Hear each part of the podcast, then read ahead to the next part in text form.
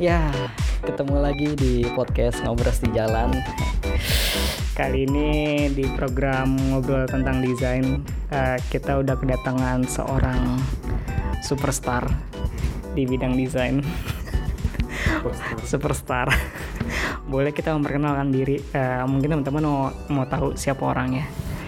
Ayo coba perkenalan diri, eh, Mas siapa ini? Halo semuanya eh, yang dengar entah dikit atau banyak yang dengar uh, gue nggak tahu ya nama gue Dadi Eh, gue UX designer kayak Denny sebenarnya dia juga UX designer Jadi eh, cuman gue lebih lama aja kayaknya lebih berpengalaman. Jadi kita eh, di sini nggak cuma berdua, jadi kita ada kedatangan tamu co-host gitu. ya. UX designer juga Iya. Jadi eh, ada siapa lagi sini selain kita berdua? Hai, nama gue Adis. Gue juga eh, UI UX designer dalam tim Mas Dadi dan Denny. Ya, ke sekarang kita sebenarnya pengen ngobrol eh, lebih dalam ya Dis ya ke eh, Mas Dadi. Karena kan Mas Dadi lebih apa ya? Dibilangnya apa ya? Lebih duluan masuk ke gue lahir duluan Mungkin aja. ya, ya lebih mateng mungkin. kita mau ikutan kayak challenge di Instagram gitu yang 10 years challenge gitu kan. Kebetulan eh, Mas Dadi ini udah mungkin udah 10 tahun lebih ya Mas Dadi? Lu udah kalau di bidang desainnya sendiri gue udah 10 tahun lebih. Tapi di bidang UX sendiri gue eh, gue start itu mulai bener-bener di UX itu dari tahun 2011 oh. Maksudnya ketika gue punya title as a UX designer tuh 2011 Hmm. Eh, kebetulan eh, cerita dulu maksud kenapa eh, dari kehidupan lu setelah kuliah gitu terus eh, ngambil akhirnya sekarang jadi seorang UX designer dan nantinya juga yang di tempat baru itu juga sebagai UX designer juga kan. iya betul nah, cerita dong dari awal kenapa eh, lu bisa ngambil jalan ke situ. nah awalnya kan memang dari dari dulu gue emang seneng gambar terus ya udah sama nyokap gue dulu ya udah kamu masuk ke desain aja DKV gitu kan nah 2003 gue masuk desain komunikasi visual D3 waktu di Interstudi nah dari situ gue sama agak lumayan lama. Kalau even D3 gue lulusnya 2009 Berapa lama sih? emang agak lama. Karena gue sempet gue sempet gue sempet mikir kayak gue sempet mikir kayak gue terusin kuliah apa enggak gitu. Jadi gue sempet nganggur dulu enggak nganggur gue nganggur kuliah tapi gue tetap kerja gitu. Jadi selama selama kuliah tuh gue tetap kerja jadi eh, designer tapi di production house waktu itu. Dan nggak ada nggak ada hubungannya sama sekali sama UX designer 2009 eh gue pindah kantor dari production house. Itu gue ke salah satu kantor kecil gitu orangnya cuma berempat. Tapi dia bikin we- website dia bikin waktu itu aplikasi kayaknya belum deh. Jadi so far masih website website aja dan di situ gue masih belum terlalu kenal yang namanya UX designer. Jadi yang gue tahu cuman even waktu itu istilahnya adalah GUI tuh? Oh, GUI. GUI GUI ngomongnya GUI bukan UI Graphical user interface atau graphic user interface. Masih dibilang graphic user interface bukan UI doang. Termnya juga masih web designer kali dulu ya? masih web designer nggak ada UX designer tuh nggak kayak yang sekarang kalau lo lihat kayak semua company nyari UX designer mau junior eh, senior lead head apa pun lah. Nah terus dari situ gue kenapa ke kantor itu gue cuman cari challenge. Karena pada waktu itu gue udah masuk ke comfort zone gue jadi dan gue merasa gelisah waktu itu kan. Terus gue mikir kayak gue mesti naikin skill gue. Jadi kayak sebenarnya gue gue gue bukan gue bukan orang yang original jadi gue even kayak hand drawing pun gue selalu ngeliat kayak ngeliat saya gambar orang bagus terus gue coba style dia. Ketika gue bisa ya udah. Gue cuman kayak ngebuktiin ke gue sendiri kayak oh gue bisa ke style dia gitu.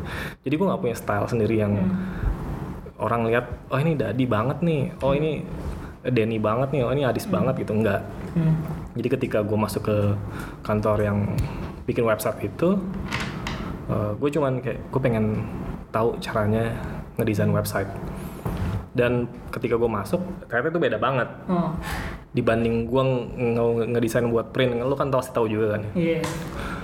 dari cara eh, apa even lo taruh garis tipis pun Iya. atau enggak itu udah beda banget secara user interface. Nah dari situ gue belajar lagi lah banyak. Gue pengen ningkatin lagi. Oh eh, pada saat itu 2011 2011 gue ngerasa kayak ini udah mulai banyak aplikasi Hmm. waktu itu Instagram aja belum di Android eh belum di Belum di iOS. iya belum di Android Ah. masih di iOS Oh, oh justru justru di iOS duluan ya? Di Instagram iPhone ya? Oh. Instagram tuh di iPhone duluan. Ah.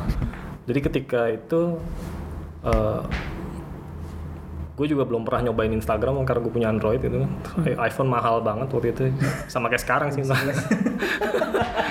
sama aja mahal kayak sekarang terus ya udah gue gue gue penasaran kayak ini udah mulai banyak aplikasi-aplikasi Hmm. cuman waktu itu kan user interface-nya belum se-clean sekarang dan Iya. dan orang-orang belum se-innovate sekarang jadi ketika itu gue juga belum tahu yang namanya UX designer tapi ketika eh, 2012 pertengahan Hmm. gue udah tahu yang namanya UX designer itu dari internet Oh, oke. terus gue ngerasa kayak tapi cuman itu belum banyak kayak di Indonesia juga masih asing banget Hmm. kayak istilah UX designer gitu Iya. Jadi lu tahu uh, uh, term uh, UX designer atau UX atau UI itu sebenarnya datang dari pas lu browsing keingin tahuan uh, lu pengen bikin website atau memang ada ada orang ceritain ke lu kayak gitu sih maksudnya?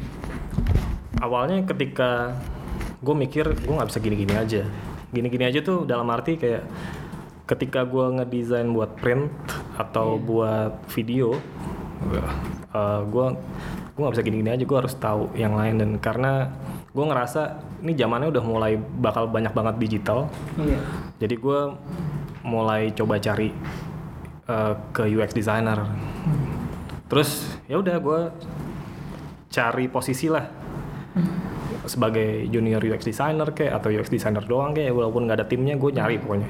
Gue cari sebisa mungkin supaya gue juga bisa gue bisa ngasah gue punya skill juga.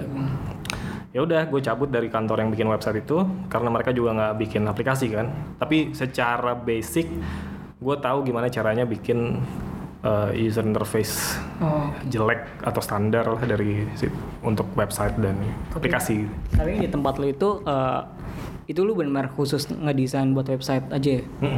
Iya, bukan eh, biasanya ada yang satu tempat tuh yang programmer sekalian jadi desainer gitu. enggak Kalau lu benar-benar benar-benar ngedesain terus ngelempar, ah, maksudnya flow-nya udah udah sama kayak sekarang-sekarang ini gitu. Iya.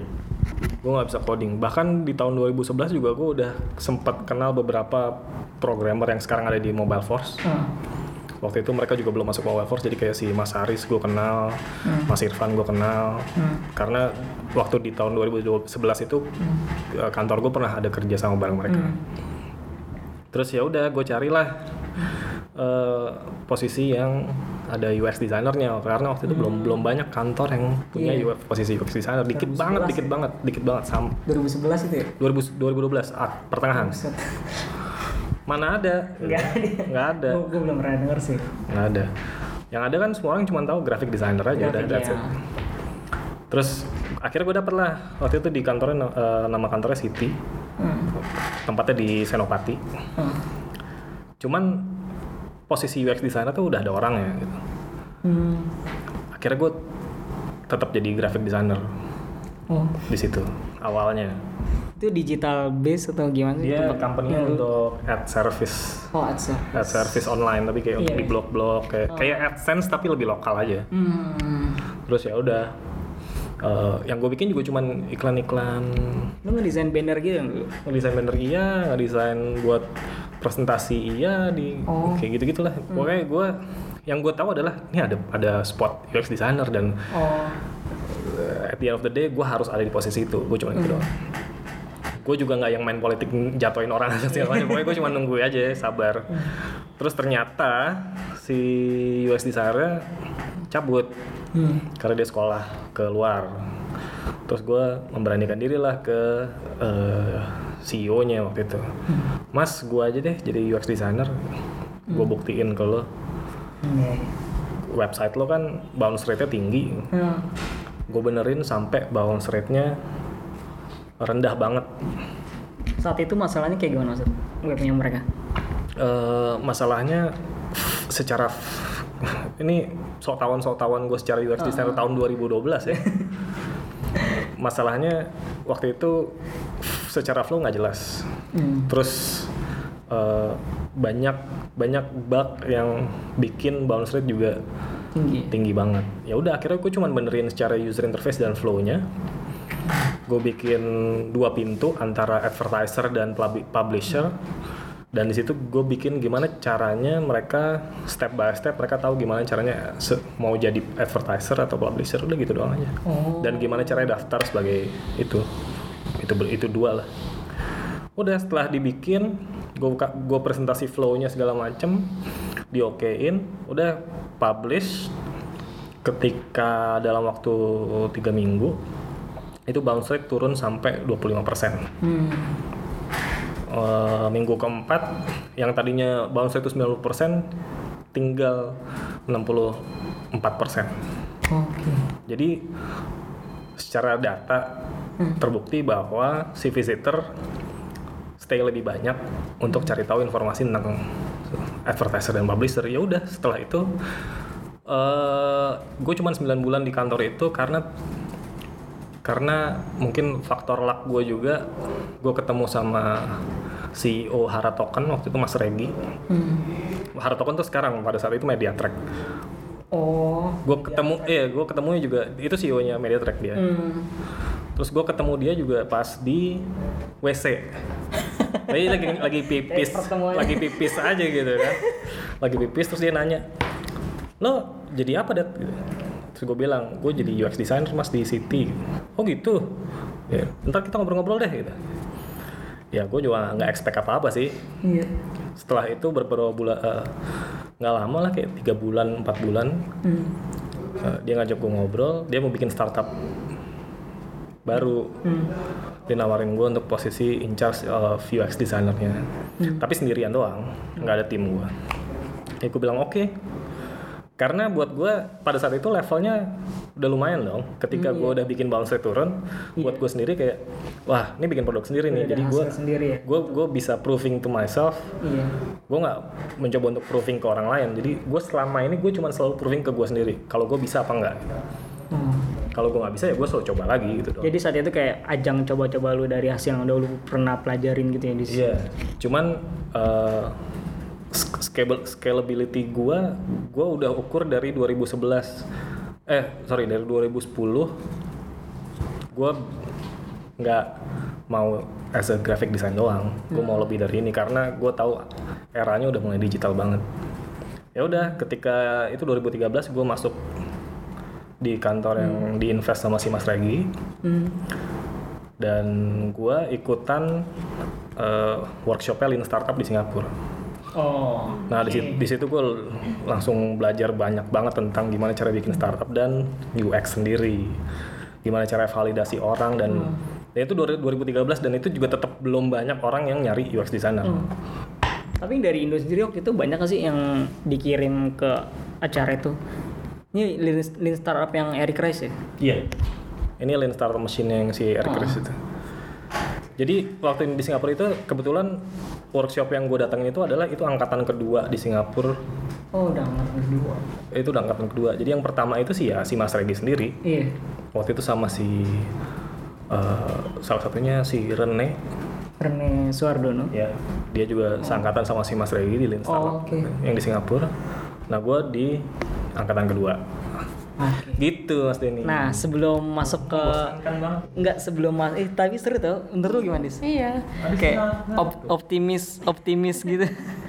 Nggak maksudnya em, menurut gue inspiring karena personally pas gue mau masuk eh, UX juga kan uh, gue beda ya dari kalian backgroundnya bukan purely design gue juga desain dari passion Enggak, gue gue juga enggak sih. Oh iya, Beda, beda kayak Mas Dedi. Iya, gitu ya. iya, iya. Kita kita beda Mas. ya dari dari nggak bisa bahkan nggak nggak nggak yang di desain atau IT maksudnya yang nggak Oh, iya. nggak di bidang Ah, digital ah. sebenarnya nggak di bidang teknologi sama sekali ya gue kan um, backgroundnya sebenarnya psikologi jadi humaniora kan Hmm. kebetulan memang passion di desain memang uh, senang dari dulu yang namanya kayak ngelayout gitu-gitu Hmm. Nah dan saat gue mau masuk UX mungkin em, udah lebih banyak informasi available dibanding Iya. pas Mas Dedi baru mau masuk gitu kan. Dan gue pun juga tahu karena dari kayak uh, word of mouth gitu-gitu. Ke- Dan kebetulan nemu aja nih oh bidang yang kayak berselisihan antara passion dan kebetulan background gue. Jadi inspiring untuk ngelihat Mas Dedi itu di saat semua tuh baru mulai dan ada keterbatasan informasi dan Oh, maksudnya oke. akses untuk ke dunia UI itu kan Iya, masih apalagi kita di Indonesia gitu kan. Iya. Ya inspiring untuk ngelihat dia kayak bisa sampai sejauh ini tuh dari bener-bener dari tekad dia gitu loh. Iya. Menurut gue sih, menurut gue sih gitu ya. Jadi, lu lu kenal kenal Mas Dedi itu pas eh, apa sih kayak training atau workshop gitu ya? Di Oh, eh, Nih cerita juga nih, kenal Iya, lagi gimana? Maksudnya eh, kan ya kita ngeliat dari si Mas Dedi ini dari ya 10 tahun lalu kan term UX itu kan masih kayak asing banget gitu kan. Walaupun bukunya si Don Norman sendiri udah ada di tahun 2000-an awal. Atau udah mungkin 90-an kali ya yang bukunya Don Norman Hah? yang bahas tentang UX itu itu itu kan jauh sebelum lama, udah lama. term UX itu di Indonesia itu ada kan dan ya gitu maksudnya eh apa mencari tahu sendiri tuh kayak seru aja gitu ya Iya, mau challenging sebenarnya. challenging ya Kalau- sebenarnya. Menurut gue pada saat 2011, 2010, 2012 gitu, buat gue challenging banget karena ya well lo cari referensi user interface dari mana gitu. Kalau sekarang lo bisa lihat dribble, lo bisa lihat Banyak, Behance, iya. toolsnya bahkan banyak banget. banget mm. Lo mau tools prototyping, lo mau tools kayak Sketch, ya Adobe Iya. XD, Innovation, semua you name it banyak banget. Even prototyping yang sampai fluid animation pun tuh udah gila banget tuh kayak. Zaman dulu mana ada gitu. Iya. Oh ini eh, pas mulai naiknya mungkin pas eh, Apple ngeluarin iPhone terus Steve Jobs waktu itu bilang juga eh, udah udah saatnya kayak ini era kematiannya Flash gitu. Jadi Flash udah mulai mati kan animasi eh, pelan-pelan mulai berpindah tuh maksudnya eh, jalurnya. Jadi orang mulai kayak eh, ningkatin di apps-nya gitu. Terus eh, Apple ngeluarin eh, store-nya sendiri kayak gitu. Dan betul gimana maksud? Maksudnya lu dari dari waktu itu dari pas eh, iPhone muncul kan 2007-an gitu ya. Iya. Lu lu lu lu ngikutin gak sih perkembangan kayak gitu pas zaman itu? Gue ngikutin perkembangan iPhone iya.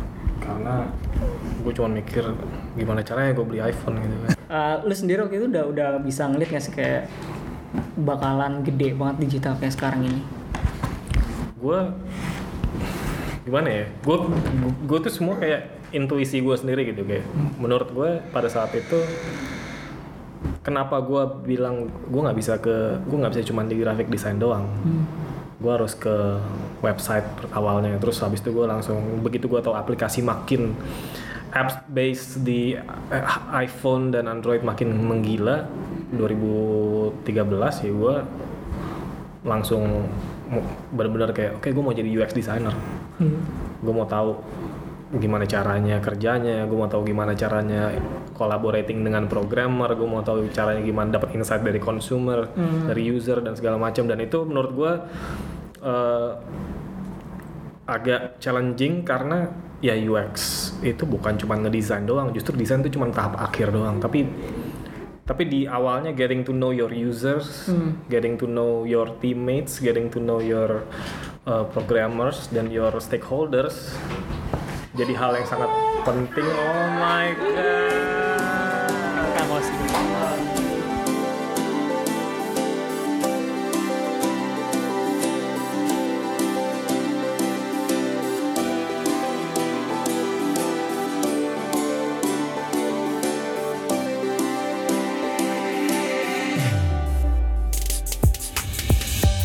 Berulang kali kau bilang ku tak bisa Untuk lakukan apa yang ku rasa.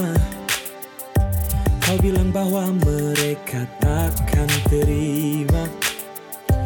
Jika ku katakan apa adanya. Awalnya ku rasa. Kau katakan yang sebenarnya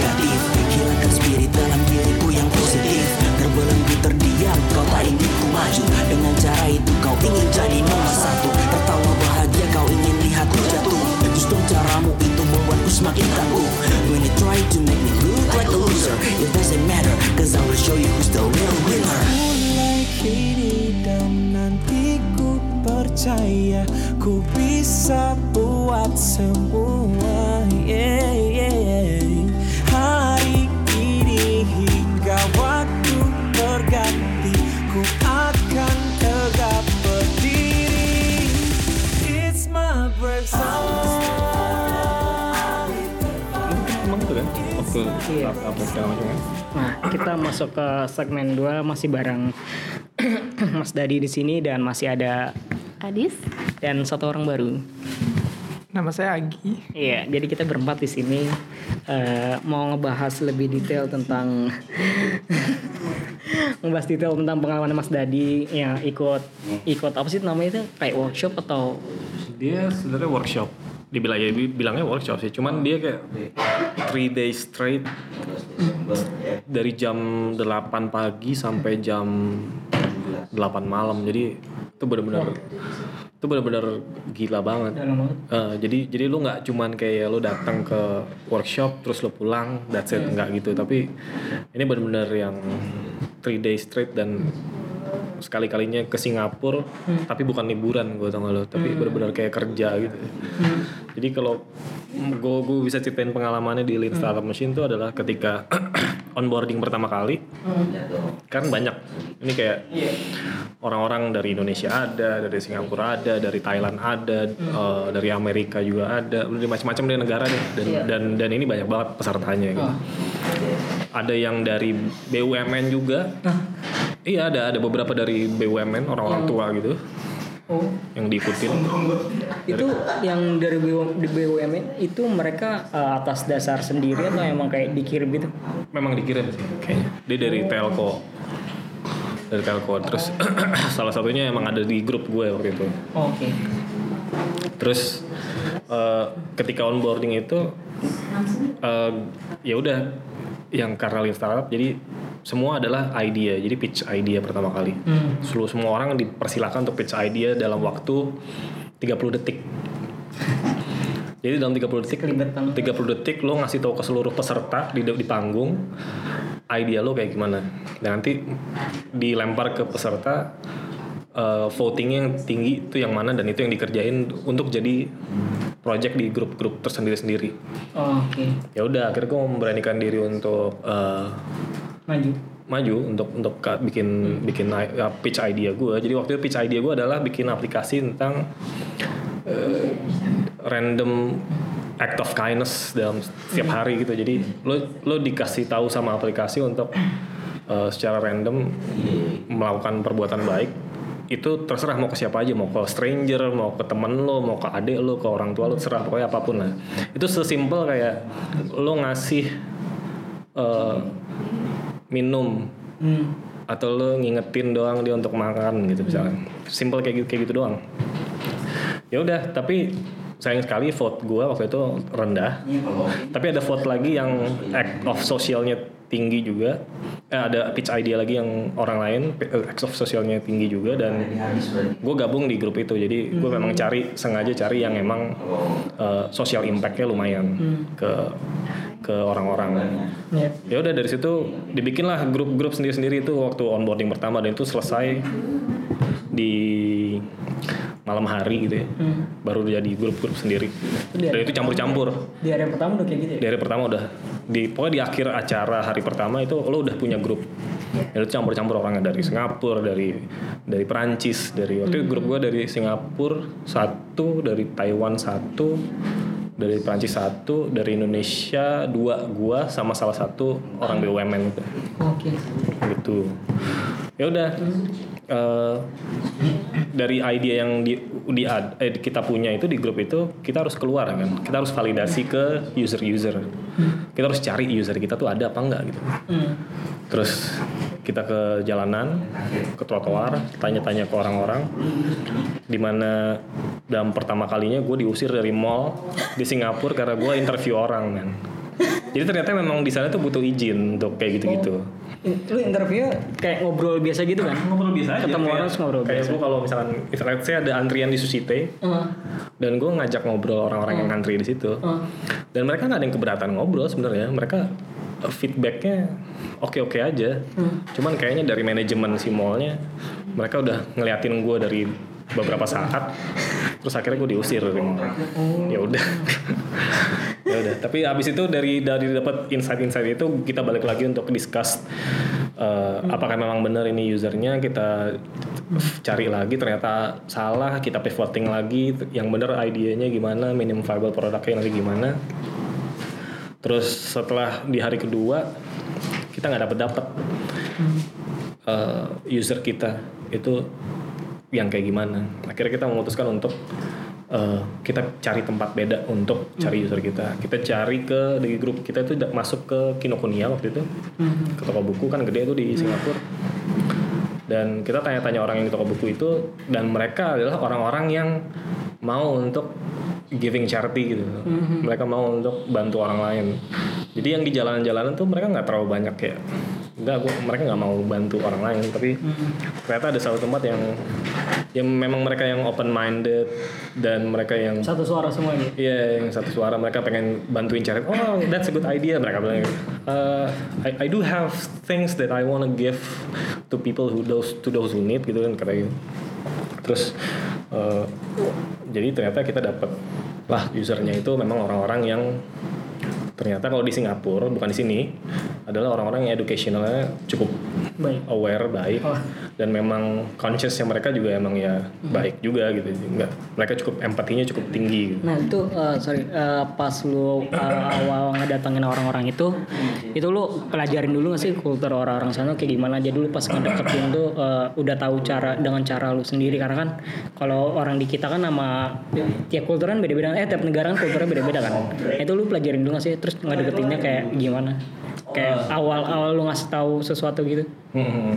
Jadi karena si idea pro- di grup gue ini adalah bikin platform untuk orang-orang naruh barang-barang yang mereka udah nggak pakai lagi untuk di disumbangin gitu. Jadi orang-orang bisa ngambil dari situ atau bisa ditaruh ke beberapa yayasan.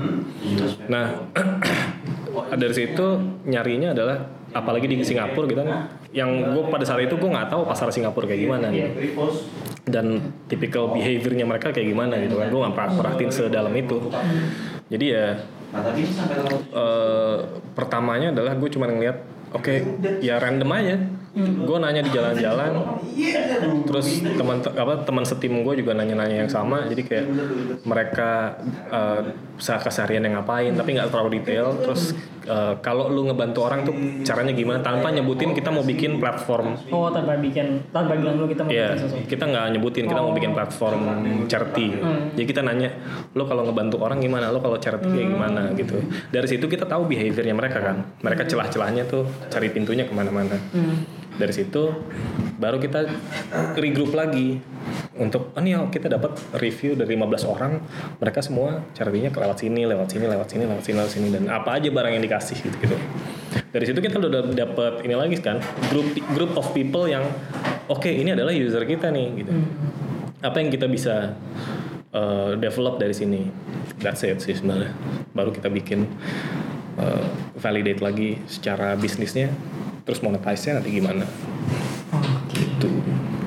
dan itu eh, akhirnya ketemu baru eh, untuk tahap selanjutnya lu lebih lebih dalam lagi itu selesai di tiga hari itu mas Dad?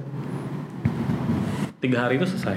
selesai Jadi waktu itu uh, sebenarnya nggak selesai secara idea project ya nggak, tapi secara sudah bisa dieksekusi lah maksudnya gitu. udah bisa. Jadi se- sebenarnya kayak lu dapat early adapternya nggak gitu. hmm. Lu dapat user lu apa nggak? Hmm. Kebanyakan grup lain kan ada award awardnya nih pada pada hari terakhir tuh ada award award untuk grup-grup. Hmm. Eh, terus eh, grup gua termasuk salah satu grup yang dapat award eh, the most apa ya the mo- this kalau misalkan apa sih persistent the most persistent group untuk cari user. Karena waktu itu udah di hari kedua kita belum dapat user sama sementara grup lain tuh udah dapat user semua.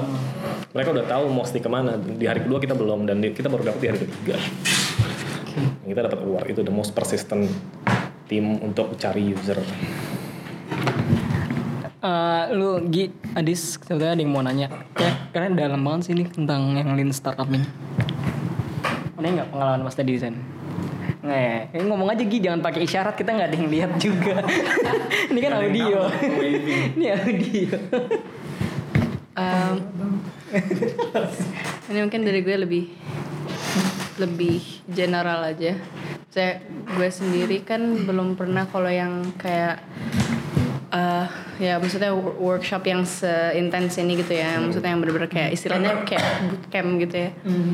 Um, cuman kan dari cerita lo juga apalagi di Singapura gitu kan. Mungkin the industry technology uh, the technology industry di sana juga be- beda lah sama Indonesia gitu menurut lo apa ya kayak yang yang apa yang workshop lean startup gini itu ini gak sih kayak kadang em, bisa culture atau konteksnya tuh mempengaruhi gitu gak sih? Kayak di mana dia diadakan gitu gitu menurut lo misalnya saat itu lo di, di dikirim ke negara yang berbeda gitu yang mungkin ya. kan yang mungkin technological scene-nya itu berbeda dan apalagi kayak lo bilang lo udah samperin em, apa orang untuk nyari untuk nyari user itu juga kan mungkin orang kan misalnya orang timur sama barat aja gitu kan beda gitu mungkin kan tanggapannya. Itu mungkin menurut lo apakah akan sama? Kalau misalnya mirip juga apakah mungkin akan lebih efektif di misalnya negara atau kota yang lebih gimana gitu gitu kayak menurut lo di situ ada pentingnya nggak mikirin kayak konteks secara workshopnya atau secara idenya Produk ide. atau secara mungkin produk mungkin menurut gue ya secara workshopnya yang menurut gue juga bisa jadi mempengaruhi kayak the ideas or the konteks yang diberikan di Iya, iya, workshop iya. tersebut gitu. Jadi for the record sebenarnya Lean Startup Machine sendiri pernah diadain di Jakarta waktu itu. Pernah. Pernah, tapi setelah gue. Oh, oke. Setelah beber- berapa lama setelah gue di Singapura, di Singapura ada lagi tapi setelah angkatan gue yang kedua itu beberapa orang yang ikut angkatan gue itu di mereka approach sendiri Lean Startup Machine untuk ada ini Jakarta dan dan gue gue sih nggak ikut Eh, jadi kalau berhubungan sama pertanyaan Adis tadi eh, akan berbeda apa enggak, mempengaruhi atau enggak, pastinya iya. Karena kalau ketika gua ada di Singapura, lo ngomongin orang-orang yang udah tech savvy gitu. Iya. Lo ngomongin ketika ketika lo ngomongin idea satu idea yang emang base-nya teknologi, lo nggak akan ngerasa kesulitan untuk orang pakai itu kayak gimana. Tapi cuman ini benar nggak orang akan akan emang tepat produknya untuk si orang-orang ini gitu. Nah beda ketika kita lo di Jakarta atau di di Indonesia gitu sebenarnya. Karena kan lebih luas lagi gitu. Secara strata sosial beda banyak bedanya gitu. Kalau di Singapura ya se miskin-miskinnya lo lo masih ngerti soal tech di Singapura karena memang dia negara maju itu kan. Begitu di Indonesia ya pasti akan ada banyak hal-hal yang mengadaptasi let's say ke low income families, terus ke ke apa ke working families. Nah, itu kan beda semua tuh permasalahannya beda, secara financial beda, secara kultur budaya beda. Terus itu ngomongin yang di suburbs ya, ngomongin yang di daerah-daerah pinggir kota gitu. Ketika masuk ke Jakarta itu udah beda lagi.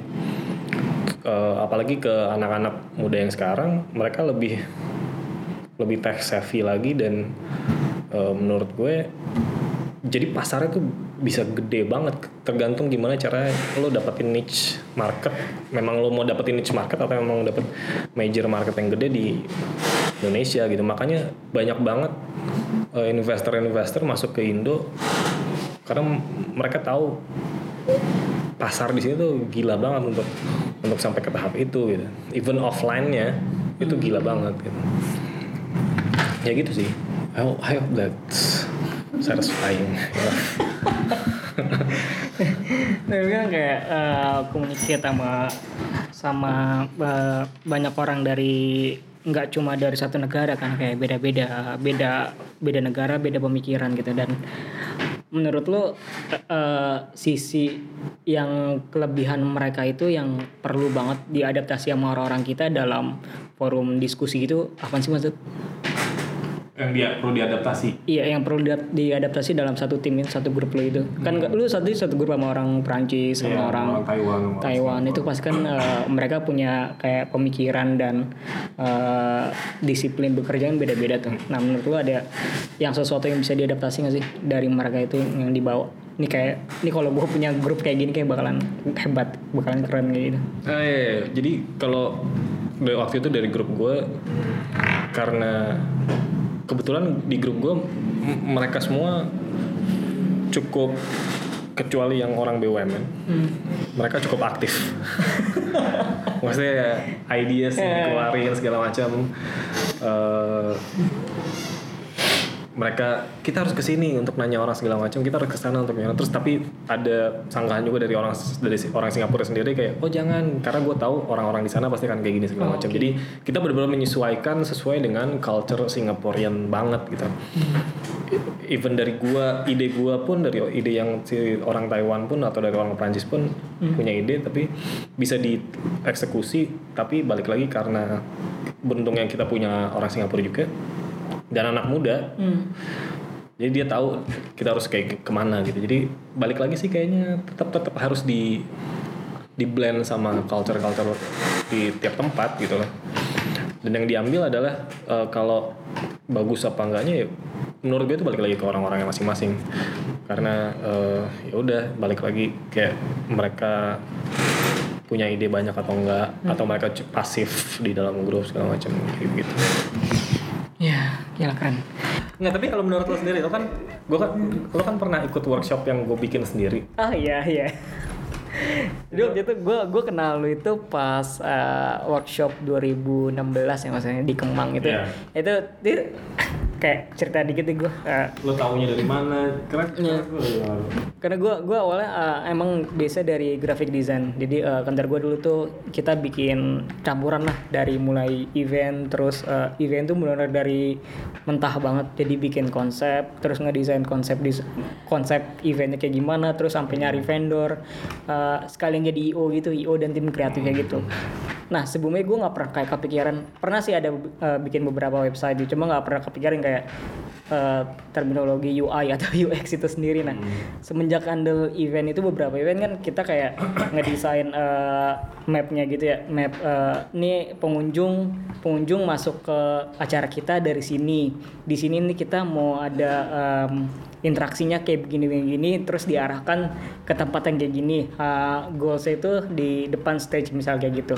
Nah itu gue gitu kayak menikmati gitu ngarahin ngarahin pengunjung terus kita uh, ngedesain mapnya kayak gimana terus uh, eh kita masuk ke ke apa ke tempatnya yang benarannya itu kita coba uh, jadi pengunjung gitu. Ini kita masuk dari sini kita ngeliat ini ntar uh, ada ini ntar di sini ada ini uh, goals kita ke depan stage uh, di stage juga ada banyak uh, hiburan kayak gitu. Nah dari situ gue mulai kayak ini kayaknya ada seru dong ya maksudnya kalau misalnya gue fokus di digital doang terus ngarahin orang itu kayak seru banget ya. Cuma benar-benar ada nggak sih waktu itu gue mikir yang kayak satu company yang fokus bener digital doang? Karena waktu itu tempat gue itu campuran digital iya cetak iya semuanya semuanya diambil gitu. Jadi eh, waktu itu gue ngeliat dari eh, Gotix kalau nggak salah. Jadi ada event gitu. Ya, enggak. Jadi acara acara UI oh gitu acara apa ya UI UX apa acara apa sih? Gue lupa yang di Kemang itu. Terus eh, ya pokoknya acara UX workshop. pokoknya iya yang workshop kayak gitu terus gue pelajarin eh, oh ternyata ternyata UX itu kayak gini eh, mengarahkan user untuk eh, mencapai goalsnya itu yang udah ditetapin nama si pembuat apps-nya atau si timnya itu. Nah gue kayak oh ternyata eh, maksudnya nggak jauh beda ya sama yang apa udah pernah kita kerjain di sebelumnya kayak bikin event gitu. Terus akhirnya ya gue ikut gue ketemu lu terus eh, belajarin toolsnya. Waktu itu gue ingat banget kayak banyak banget. Emang kalau misalkan nggak tahu ini penting sih maksudnya kalau belajar nggak nggak ada mentor tuh uh, bisa berantakan sih kalau gue maksudnya tools kan udah banyak banget tuh. Iya. tools banyak uh, nggak bisa dong kita semuanya coba satu-satu. Kita harus benar ada mentor yang bisa ngarahin nah, lu pakai tools ini biar ini kayak gitu. Ya gitu. Gue gue butuh mentor tuh. Butuh mentor untuk bisa diarahin lu harus pakai tools apa? Gitu. Jadi pas gue datang gue dapat uh, waktu itu dua hari ya tapi gue ikut hari pertamanya doang. Karena menurut gue waktu itu udah cukup dapet nih gue dari dari lu Parah banget. semua pelajarannya. Lo nggak ngasih gue duit lebih.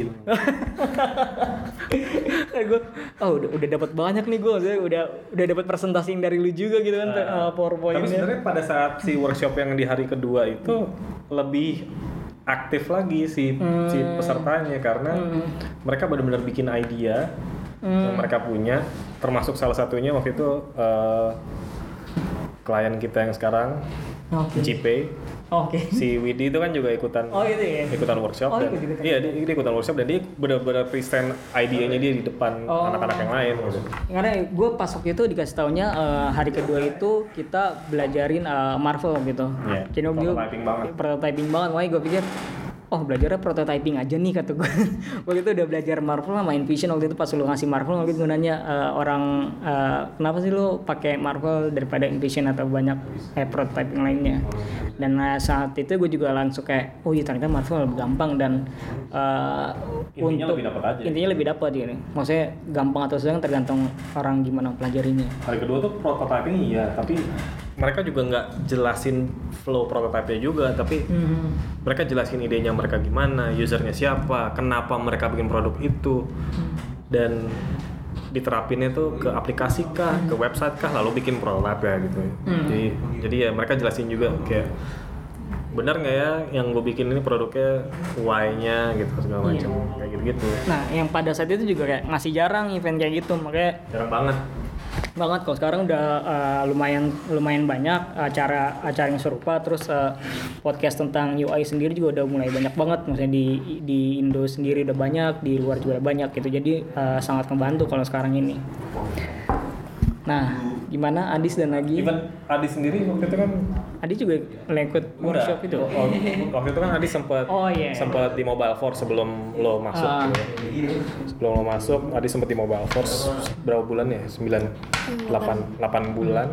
Habis itu dicabut S2. Dan ya alhamdulillah kepake kan ya di Nah, kita mau denger cerita Adi sedikit karena Adi waktu itu S2-nya lu ngambil apa nih sendiri? gue ngambil consumer behavior perilaku konsumen. tapi kebetulan karena di di luar jadi memang berbahasa Inggris.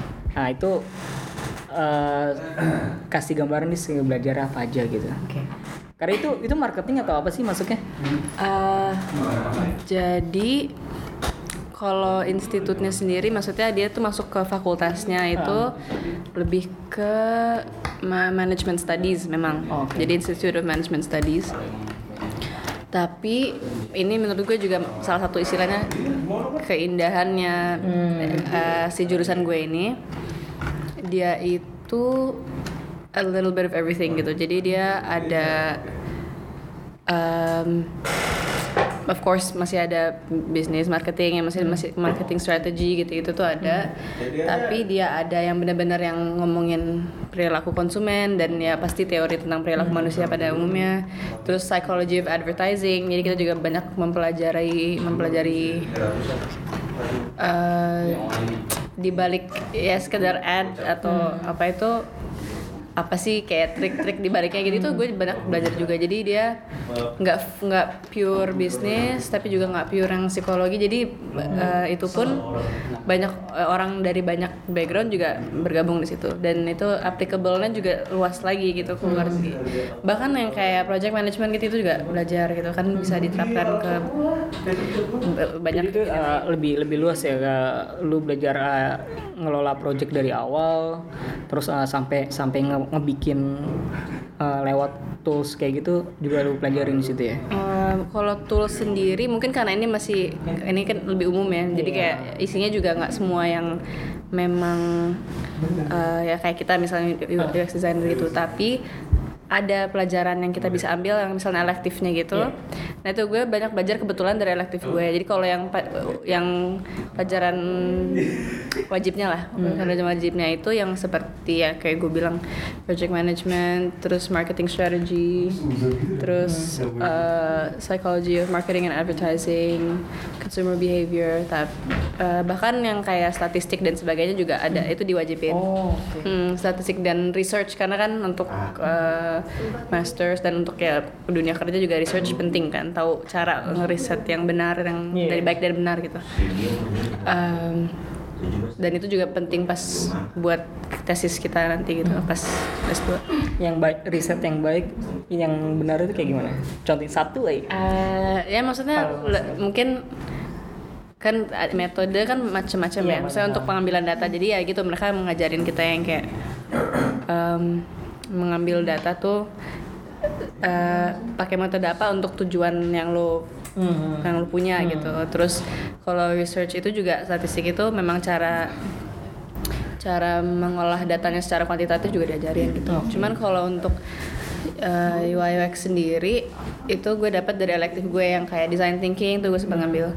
Terus uh, digital research methods itu gue ngambil. Itu kebetulan yang dua pelajaran yang dipisah tapi sebenarnya kayak kurikulumnya nyambung gitu. Mm. Ya, kepake banget sih karena kayak Sangat. lo uh, karena um, apalagi karena mungkin udah S2 jadi bisa praktek kan. Iya. jadi itu kayak cara kita mengimplementasi ide gitu-gitu. Dan lo nggak harus seperti gue yang UX designer untuk kayak berpartisipasi gitu. Maksudnya kayak diajarin misalnya hmm, berbagai jenis kayak ya misalnya dari prototype lah gitu. Apa pun itu idenya kan kayak nggak ha- ha- produknya itu yang gue senang itu produknya tuh nggak harus kayak aplikasi kan. Kalau design thinking tuh. Eh, tapi banyak gitu lah pokoknya banyak caranya dari yang low fidelity dari sekedar lo apa sih yang kayak card sorting atau lo Yeah. yang sekedar kayak sk- wireframingnya itu bener-bener kayak gambar di kertas lo gambar di kardus gitu-gitu juga itu itu udah termasuk prosesnya gitu kan. Yang banyak kepake di sekarang sih dari pelajaran-pelajaran kayak gitu dan eh, experience gue selama jadi UX designer di sini pun sebelum ke sana jadi kepake di sana juga Kepake gitu. gue sempat gue sempat mengajukan em, kayak ide ide jadi sebenarnya nggak harus app Hmm. produknya cuman gue mengajukan kayak kampanye jadi kita di- waktu itu dikasih kayak Iya. rumusan masalah gitu terus kita harus ngajuin ide nah yang jadi itu kampanye tapi yang involve advertising and app yang Hmm. akhirnya gue bikin semacam ya mockupnya lah nggak nggak sampai yang working prototype gitu Iya. tapi mockupnya eh ya maksudnya jadi saling saling mempermudah lah itu jadi gue kuliah mempermudah kerja kerja mempermudah kuliah juga Beneran jadinya. Iya. Oke, eh, baik nih ke Mas Dad. Eh, Mas Dad, ada ada pepatah sih, pepatah bukan pepatah sih, ada kalimat kayak politik jangan baper. Sebagai desainer juga kita nggak boleh baper juga ya. Desainer nggak boleh baper. itu eh, lu sendiri itu eh, nyikapin negatif feedback itu kayak gimana Mas Dad? Lu sering lu awal-awal baper juga gak sih atau kayak lu Sampai orang lu orangnya bodo amat. Sam- Oh, iya. sampai sekarang pun gue baperan gue suka kayak "Eh, gimana sih orang di let's say kayak klien klien-klien gitu ya. Ya ada klien yang memang mengerti dan mereka mau bekerja sama dengan baik gitu. Yang memang tahu oke memang lu profesional di UX dan udah lama gitu. Tapi ada juga klien yang eh, mereka tiba-tiba jadi UX designer sendiri gitu. Cuman gue sampai sekarang pun kayak eh, masih tetap ngomel-ngomel sendiri gitu. Cuman menurut gue lo akan sampai di tahap yang ketika lo ngomong fuck you terus berubah jadi oke great. Nah gue tetap baperan tapi gue udah sampai di tahap itu gitu. Jadi kayak jadi ya balik lagi gitu. Nggak semua orang bisa dieducate tentang UX tapi eh, tapi kalau lo memang serius di UX itu akan merubah cara pikir lo tentang market tentang user tentang cara kerja setiap eh, apa setiap setiap produk dan bahkan ngerubah cara hidup lo sehari-hari. Cara lo memandang lo pakai sesuatu lo lo let's say berpartisipasi di dalam program tertentu ya lo pasti akan berpengaruh banget. Kayak gitu sih. Oke. Nah itu kayak eh, mungkin kayak dukanya itu kayak gitu ya. Dari eh, sukanya itu selalu selama ini kayak gimana Mas Dad? Sukanya adalah gue dikasih kesempatan untuk untuk belajar work- eh, belajar apa UX benar-benar dari workshop yang emang intens banget di Singapura. Terus gue dikasih kesempatan untuk buktiin diri as a UX designer. Dan walaupun gagal waktu itu di di apa di startup yang cuma setahun itu tapi gue dapat banyak belajar hal banyak belajar banyak hal di situ lah pokoknya. Ya, dan dari situ gue dikasih kesempatan lagi untuk eh, rekrut tim. Dan cara gue milih tim pun juga bukan bukan yang bukan yang menurut orang-orang kayak lazim gitu loh untuk gue ngerekrut orang yang emang mau belajar aja gitu. Even mereka nggak bisa desain pun gitu. Jadi karena gue percaya ketika lo mau ya lo pasti akan bisa. Ya, gue ngeliat kayak yang gue ngeliat gue dulu aja. Gue reflect dari gue lima tahun 10 tahun yang lalu. Karena gue di posisi yang sama dan gue nggak tahu mesti mulai dari mana kan? Iya. ya gue mau belajar. Dan set gue cari-cari sendiri aja gitu. Nah kalau sekarang kan lebih gampang. Iya, lebih banyak. even anak SMK pun user interface-nya jauh lebih bagus dari gue mereka bikinnya gila loh. Itu baru anak SMK kelas 3 gitu kan Ya, gimana kemudian buat akses informasi Iya, juga lebih gampang ya Makanya. mereka. dan mereka jualan jualan karya-karyanya mereka dari macam-macam udah banyak banget gitu Iya. zaman gue dulu dari Divine apa Art. gitu dari the fine art tuh nggak ada segmented segmentednya banget gitu kan Sekarang udah anim semua gitu. makanya. Nah, di kan di era digital sekarang ini eh, lu punya tips nggak? Gimana caranya buat kita tuh kayak ngejual istilahnya menjual diri ya tanda kutip menjual diri kita ke eh, banyak headhunter atau mungkin investor kalau yang punya startup gitu. Lalu ada ada ini nggak? Ada apa namanya em, kayak advice gitu buat kita. yang pertama lu nggak perlu menjual diri ke headhunter karena Ya, mereka maksud- hunting Biar biar dilirik lah biar dilirik maksudnya. mereka akan cari lo gitu. Even oke kalau misalkan eh, ngejual capability lo dan kompetensi lo di di bidang UX sendiri menurut gue eh, gue juga bukan orang yang suka jualan kompetensi gue. Lo, lo, lo bisa lihat sendiri lah gue di mobile force aja juga lama gitu kan. Eh, kalau menurut gue itu balik lagi dari confident lo aja sih sebenarnya karena gini di mobile force itu bukan perusahaan yang eh, fokus di satu produk Iya. kayak let's say startup startup unicorn Iya. Gojek, Traveloka, Tokopedia dan lain-lain gitu. Mobile Force lebih ke client base dan menurut gue se- sekurang-kurangnya struktur atau project manajemen yang ada di Mobile Force, menurut gue itu yang bikin gue growing selama lima tahun ini. Jadi itu yang bikin gue tahu gimana caranya dari seluruh banyak user yang ada, mau itu stakeholder, mau itu company besar, company kecil, mau itu perorangan, dan gue tahu gimana cara handle-nya dan, dan suka dukanya itu juga banyak banget. Jadi menurut gue ketika lo udah ngelewatin fase-fase itu, ya lo lebih fokus dan lo akan banyak dicari orang aja gitu. Oke. Jadi percaya diri dan fokus menjadi kunci utama. Dari teman-teman ada yang mau nambahin nggak? Maksudnya ada yang mau sebelum kita tutup segmen 2 ini gimana? Atau kita Kayak masih terdiam Adis dan Agi.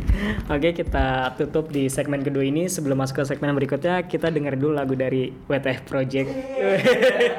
Kebetulan ada ada ada ada di sini, Mas Sonil. kita dengar lagu dari WTF Project. Judulnya apa? Judulnya apa? Bebas. Jika beban hidupmu terasa berat tak lagi terangkat Berhenti sejenak Hela nafas sesaat